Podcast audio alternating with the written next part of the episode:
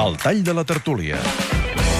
David Bassa, directe a les claus de la tertúlia, Directe. que avui, en fi... Sí, l'olla de Twitter està bullint molt. Mira, només una piulada molt ràpida d'en Jordi que diu Els pròxims dies, fins al 9 de novembre, totes les forces de l'Estat faran pressió per desviar l'atenció. El CNI ja té dossiers falsos. Bé, la veritat és que ha estat una tertúlia sacsejada perquè mentre fora Sí, de l'estudi la policia acaba de detenir l'Oleguer Pujol de dins de l'estudi, en Josep Curto, ens ha desvelat un munt de xifres dels més de 90.000 moviments fets amb les targetes negres de Bànquia.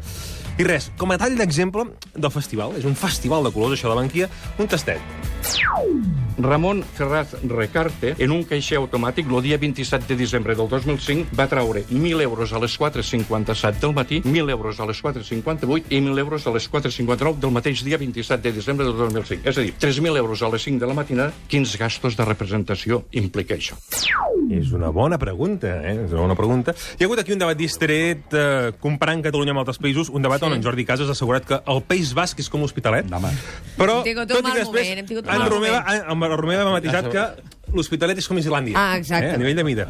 Però alerta perquè Islàndia, que sempre he citat com a referent de la lluita contra la corrupció, tampoc n'hi ha per tant.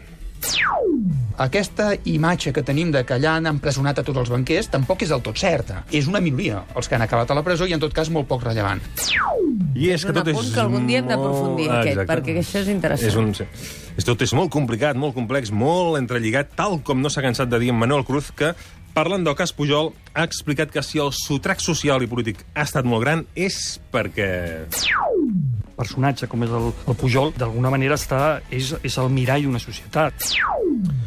I per miralls, doncs, els partits polítics. I, per tant, el tall de la tertúlia se l'ha d'endur tant si vol com si no vol, en Josep Curto. Avui sí. Perquè per la parlant... feinada que ha fet de Exacte. recopilació de dades, eh? parlant de les targetes negres, ha posat damunt la taula amb noms, cognoms i xifres, cosa que ens encanta al matí de Catalunya Ràdio, ha posat, doncs, fins a quin punt tot l'embolic de Bànquia està vinculat, molt vinculat, al sistema espanyol de partits polítics. Hi han tres fundacions invisibles del Partit Popular, del PSOE i d'Izquierda Unida. Caja Madrid los va donar entre 2009 i 2011 374.000 euros a Fundeste, Fundació d'Izquierda Unida, 375.000 a Fundescamp, Fundació del PP, i 673.000 a Fundació Estudios Problemas Ciudadanos del PSOE. Pim, pam, pum. Pum. David Bassa, moltes gràcies. Ernest Benac, gràcies per ser aquí. Josep Curto, gràcies pel dossier informatiu. Jordi Casas, Manuel Cruz s'ha quedat amb una cosa al pap, però l'aprofundiré, perquè segur que d'aquesta qüestió la setmana... Me la deixes dir? Sí, se pot dir. Sí. Eh, no oblidem que, Sí. sí. a banda de la qüestió personal de Pujol, Pujol havia plantejat un relleu dinàstic a Convergència i a, i a la Generalitat. És a dir, no és solament una qüestió familiar.